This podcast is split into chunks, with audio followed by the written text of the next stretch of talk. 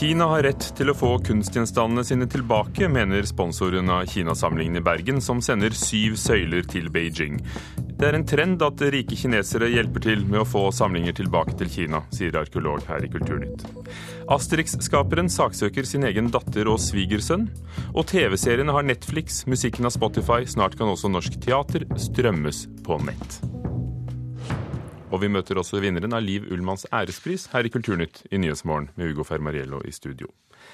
Kina har et rettmessig krav på å få stjålne kunstgjenstander tilbake til hjemlandet. Det er eh, det finansmannen som sponser kunstmuseene i Bergen, Kodes kinasamling, som sier. Som vi også kunne se i Dagsrevyen i går, ble en ny samarbeidsavtale mellom museet i Bergen og Peking-universitetet undertegnet i går, og dermed skal syv av 21 sjeldne søyler tilbake til Beijing. Det må tro meg. Det kinesiske folket vil være evig takknemlige for det som skjer i dag, sier forretningsmannen Huang Nubo før han signerer sin del av avtalen med kunstmuseet Kode i Bergen. Eieren av Songkun Investment Group, og dessuten en av Kinas rikeste menn, går inn som sponsor av museets kinasamling med ti millioner kroner. I gjengjeld skal deler av en historisk kulturskatt komme tilbake til Kina. Tydelig rørt og med en stor bamseklem takker han direktør Erlend Høyersten nok en gang. Fremtiden til disse søylene har man jo diskutert i mange år. Sponsinga er del av en trepartsavtale mellom Songkun Investment Group, Peking University og Kode. Museet får penger og faglig ekspertise, og i retur skal sju marmorsøyler fra det gamle sommerpalasset til keiserne i Beijing. Så er det slik at Vi har 21 søyler. Så er spørsmålet skal vi la de ligge på magasinet, eller skal vi aktivisere dem og gjøre noe godt med dem. Og vi har kommet frem til det siste. I 1860 ble sommerpalasset rasert og plyndra av briter og franskmenn, og søylene er noe av det vesle som er igjen. Vi ønsker å bruke dem for å skape akademiske relasjoner, bygge bro mot Peking University, og også eh, skape en mulighet for museet. Det ødelagte palasset er et sår i hjertet vårt, sier Huang Nubo.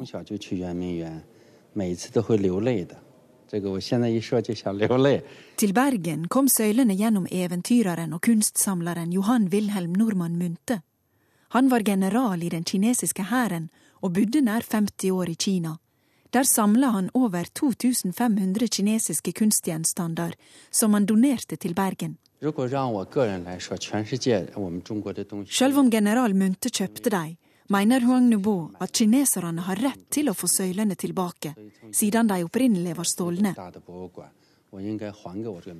Styreleder i Kode, Per Christian Foss, mener det er riktig så lenge museet tar avgjørelsen. Så lenge vi gjør det på vårt initiativ, og så lenge de ikke går utover denne samlingen Vi har de, vi ellers hatt i magasinene.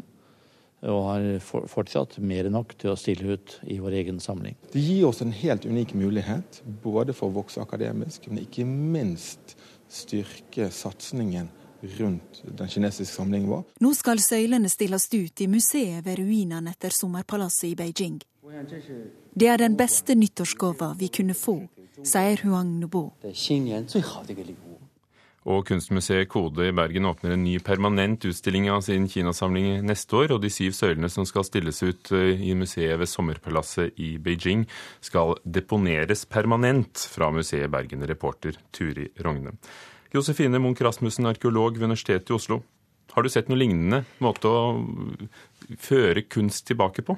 Det, ja, dette kan helt sikkert ha skjedd tidligere, og spesielt i, altså i, i, i, andre land med store samlinger, USA, England og andre land i Europa. Men i Norge er dette helt unikt, så vidt, eh, så vidt jeg kjenner til i hvert fall. Hvordan er det vanlig at slikt foregår? Ja, Som ofte så vil uh, ut, tilbakeleveringskrav eh, komme fra en stat som ønsker tilbakelevert gjenstander fra sin, fra sin historie, arkeologiske historiske gjenstander eller kunstgjenstander, til Og det, det, vil jo gå en diplomatisk vei. Og det er den vanlige måten. Eh, og, sånn sett, og, det, det, og, det, er flere sånne krav fra, fra andre stater til, til, Norge, og til norske museer og til norske private samlere. Men, eh, men det uvanlige her er jo at man, eh, man går inn nærmest i et salg. Eh, som involverer en privat eh, kinesisk kjøper. Så det er, en, eh, ja, så det, det er uvanlig, og det, er sånn spennende at det skjer på den måten. Offisielt er det altså slik at museene deponerer dette i, ved museet ved Sommerpalasset, ja, og så inngår de et avtale med Peking-universitetet. Men mm. så kommer det en forretningsmann som sponser museet med 10 millioner kroner. Um, hva skiller kravene om kinesiske og, og, ønskene om å få tilbakeført kinesiske antikviteter i forhold til det vi kjenner med at eh, Hellas gjerne vil ha tilbake de såkalte Elgin Marbles, frisene fra Akropolis ja. til Hellas f.eks.? Det som, er, det som kjennetegner det kinesiske, eller som vi har sett eh, når det gjelder tilbakelevering, eller eh, tilbakelevering av kinesiske kunstsamlinger de siste årene, det er jo nettopp dette at, at en del rike kinesere, private samlere eller private velgere, kommer inn og spiller en veldig aktiv rolle. Og det kan eh, være både i en, slett, i en sånn type diplomatisk eh, dialog, men, men, det mest vanlige har jo vært på auksjoner.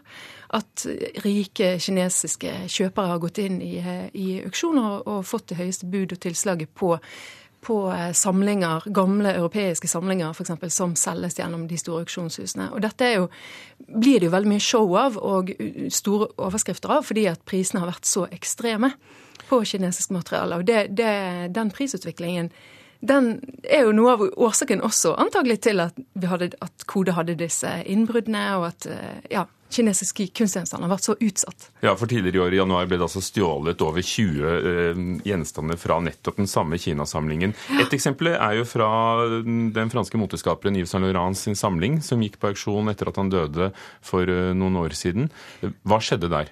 Ja, Det var i 2009. Da, da skulle hele samlingen auksjoneres, og i forbindelse med det så eh, kom det et krav fra kinesiske kulturmyndigheter som spesielt gjaldt to gjenstander som i, eh, i auksjonskatalogen. Det var to eh, byster av dyrehoder som også kom fra Sommerpalasset, samme sted som disse søylene til, fra myntesamlingen kommer fra, og som ble plyndret i forbindelse med, med opiumskrigen i 1860.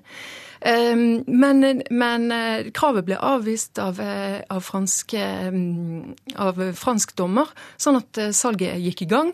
Men det som skjedde der, var det at det også ble ekstreme priser, og høyeste Høyeste bud kom fra en privat eh, kineser, kinesisk eh, samler. Og, eh, men, men, oppgjøret kom aldri. Sånn at det ble aldri betalt noen ting for, for disse gjenstandene. Og det, og det er klart, det, da falt de jo umiddelbart i verdi igjen.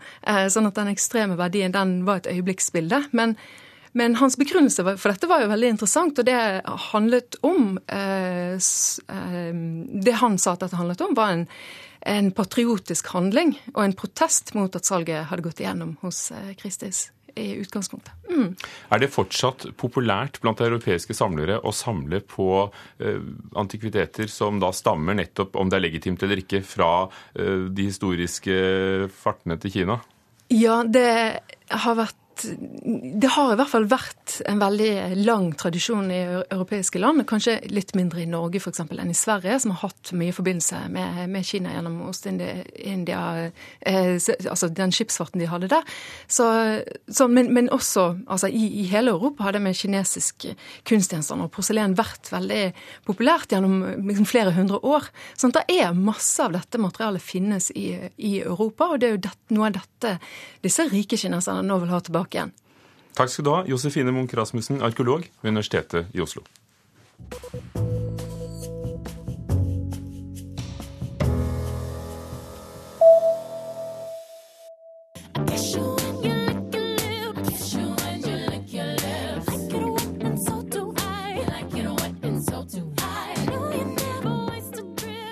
Dette er Beyoncé fra hennes nye album, og hun har satt salgsrekord på Apples nettbutikk iTunes.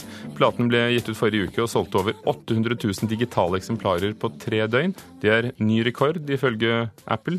I går kveld lå platen som nummer én på listene i 104 land. Og Beatles faktisk slipper nytt album i morgen. Albumet skal inneholde 59 av Beatles tidligere upubliserte innspillinger, bl.a. versjoner av She Loves You og I Saw Her Standing There. Rettighetene til innspillingene går ut 50 år etter innspillingen, og Beatles skynder seg derfor med albumutgivelsen for ikke miste retten til låtene.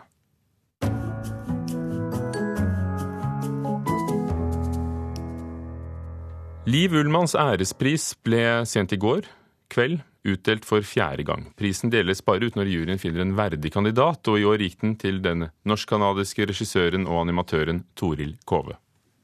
Det er en ære og en glede for oss i komiteen for æresprisen å gi vår fremste internasjonale animatør i et år som feirer animasjonsfilmens 100-årsjubileum. Og gratulerer med en utrolig velfortjent pris. Hvordan var det for Liv Ullmanns ærespris? Det er helt fantastisk. Det er som jeg sa eh, akkurat nå, at det er, eh, det er ganske sånn ydmykende. Jeg er i kjempegodt selskap med Anne Dahl Torp og Anja Breien og Margrethe Olin. Og um, det er uh, Ja, jeg vet ikke. Det er en sånn det, er, det, gir meg en sånn følelse av tilhørighet i det norske filmmiljøet som jeg er veldig takknemlig for. Toril Kove er mest kjent i Norge som kvinnen bak den Oscar-vinnende animasjonsfilmen 'Den danske poeten', som vant i 2007. Liv Ullmanns ærespris er på 100 000 kroner og deles ikke ut i utide. Kun når juryen mener det fins en verdig kandidat. Ja, og det er jo helt utrolig at jeg syns det er veldig, veldig hyggelig. Jeg er litt sånn, jeg vet ikke hva jeg skal si, ja. men det um, det er veldig stort. Jeg er veldig glad for det. Tror du den vil bety noe for din videre karriere?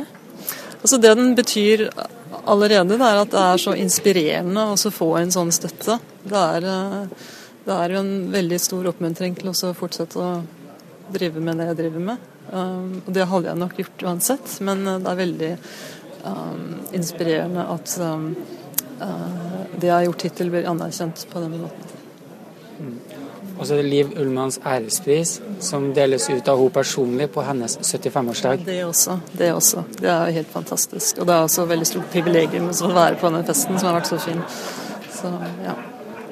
Gratulerer. Jo, tusen takk skal du ha. Det føles som bursdagen min også. takk.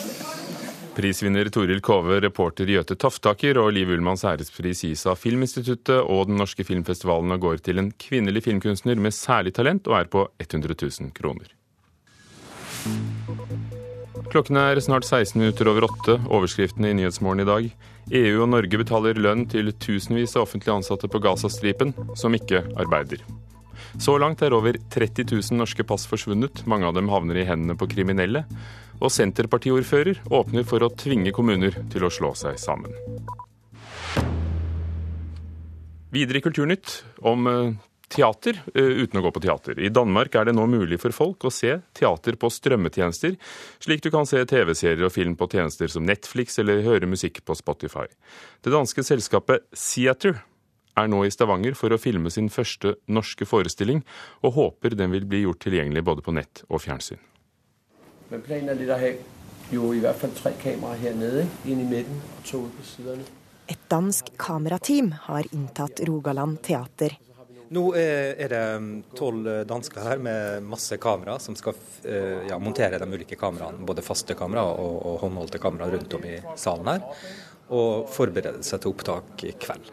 Teatersjef ved Rogaland teater, Arne Nøst, har nemlig fått besøk av den danske teaterstrømmetjenesten Theater, som skal filme sin første norske teaterforestilling. Eeny, meeny, miny, little, winny, teeny, tiny, teaterkonsert Beethoven. En forestilling Nøst mener egner seg godt for skjermen. Det handler både om det visuelle, om den type skuespill og musikkteater det er. NRK produserte jo teaterkonsert Mozart i fjor, og da er det interessant med en oppfølging. Så, så denne også produksjonen kan leve et lengre liv. Theater håper å få forestillinga sendt på TV og tilgjengelig for strømming på sin egen nettside, som ikke er helt ulik Netflix og Spotify. I Danmark har Theater om lag 5000 abonnenter, som enten kjøper enkeltforestillinger, måneds- eller årsabonnement. Administrerende direktør i Theater, Jesper Bo Rasmussen, er glad for endelig å kunne filme i Norge er den aller første forestilling vi filmer i Norge, og forhåpentlig ikke den siste. Vi drømmer jo mye om å etablere oss her oppe i Norge. Rasmussen mener teaterstrømming er viktig fordi det bevarer forestillingene for fremtida og gjør de tilgjengelig for alle i hele landet. ikke bare de som bor rett ved teatrene. Fordi jeg syns at, øh, at, øh, den teatertilgjengelighet som man skal ha, den skal man ha lov til å ha i, øh, i hele landet. Håpet er at teaterkonsert Beethoven skal bli sendt på NRK, og etter hvert lagt ut på Theaters hjemmesider for teaterstrømming. Men først må en avtale med NRK og de enkelte skapende og utøvende kunstnerne og deres forbund være på plass. Noe Arne Nøst håper vil gå i orden. Eh, men den forestillinga her spiller jo bare ei og en halv uke til, så uansett må det filmes. Og da med tanke på at en kommer til enighet om en grei ordning. At lønnens rappe vinger kun med nød og neppe. Det ser veldig bra ut. Det vi ser her, er, det er lite scenografi. Så det er klart det er uh, en grei forestilling å filme sånn sett. Trond Okkelmo, spesialrådgiver i Norsk teater- og orkesterforening, tar en titt på Theaters versjon av Macbeth. Han er positiv til teater tilgjengelig på nett, så fremt alle avtaler med kunstnerne er i orden, og at kvaliteten på filminga er god. Det er klart, Bor du i Alta og du er interessert i sammen med barna dine og folk for øvrig i Kardemomme by, hvis den er tatt opp på en ordentlig måte og kan streames, så er det veldig positivt. Han anbefaler også andre teater å gjøre som Rogaland Teater. Og norske teatersjefer bør jo absolutt gå inn og se den forestillingen som streamet når den foreligger. For det vil gi dem en god pekepinn på hvordan dette kan være. Og det er klart at det er ikke noen grunn til ikke å anbefale flere teater å gjøre det samme. Nå vil Theater satse mer i Norge, men for å etablere seg for fullt håper Rasmussen på statlig støtte, og har nå hatt et møte med Kulturdepartementet. Så jeg håper mye at det kan bane veien til, til en større dialog omkring det. Og det var Rosta Hoem Hagen som har laget reportasjen om strømming av teater. Asterix-skaper Albert Uderso saksøker sin egen datter og svigersønn. Ifølge franske medier handler dette familiebråket om en krangel om inntektene fra Asterix-albumene, som er blitt solgt i 352 millioner eksemplarer. Konflikten gjør vondt, sier Albert Uderso selv. J'étais loin de me douter, 86 ans, bientôt 87 ans, qu'un jour ce serait obligé d'en arriver là. Jag är 86 år gammel, snart 87. Men jag hade aldrig trott att jag i min höga ålder skulle behöva få uppleva detta. Det gör mycket ont, säger serietecknaren Albert Uderzo till ITV. I dagarna har Frankrike skakats av att Asterix pappa, Albert Uderzo, stämmer sin egen dotter Sylvie Uderzo och hennes make Bernard Choisy. Albert Uderzo anklagar dem för psykologisk utpressning Syftet ska enligt media vara att Uderzo är rädd för att dottern och svärsonen vill ta hans pengar. En summa som uppskattas till nästan en miljard kronor. Pengar som serien Asterix inbringat. Asterix är här! Dottern Sylvie Uderzo säger i en radiointervju att hon är mycket chockad. Ça m'a fait euh, un choc terrible, c'était d'une extrême violence. Jag är skakad över att ha sett min egen pappa tala illa om mig i tv, säger Sylvie Uderzo. Men man bör veta att han är manipulerad, säger hon. Till angrepp! Dottern Sylvie Uderzo och maken Bernard de Choisy hade viktiga poster i bokförlaget Albert René. Men när ledningen bestämde att bokförlaget skulle ingå i mäktiga Hachette-gruppen protesterade Sylvie. Hon blev därefter avskedad. Några år senare stämde Sylvie och svärsonen ledningen för att utöva påtryckningar på Albert Uderzo. Hon menar att pappan, på grund av sin höga ålder, visar vissa svaghetstecken. Om och om igen kommer paret Sylvie och Bernard med olika stämningar. Men nu har Albert Uderzo fått nog och han stämmer alltså sin dotter och svärson. I en av Paris många specialiserade bokhandlare för seriealbum arbetar Morin. Hon säger så här om familjebråket som fått stora rubriker i media. Familjedraman upprör alltid fransmännen. Det är en tragisk historia, säger Morin i seriebutiken. Däremot vet man inte vem av dem som har rätt. Men kan detta skada seriehjälten Asterix, undrar jag. Nej, svarar Morin. Non, je pense que, comme toujours, en fait. För Asterix är starkt förankrad i den franska folksjälen och Albert Uderzo själv tecknar inte serien mera. Kunde jag få en droppe melk i det varme vannet? Klart du kan. På frågan om familjebråket handlar om pengar svarar dottern Sylvie så här. Non, parce que tout va bien pour moi. Donc si c'était une affaire de gros sous, ça serait... Nej, det handlar inte om att jag ska komma åt pappas pengar, för jag har det redan bra ställt ekonomiskt, svarar hon och tillägger. Det som oroar mig är att pappa står under någons inflytande. Pappa Albert Uderzo säger dock att med tanke på lille Asterix stora succé så har jeg nok bevisat tillräckligt at jeg har huvudet på rett plats. Avec la réussite de notre petit Gaulois, que s'il y avait eu un but de faiblesse, on l'aurait su déjà depuis longtemps.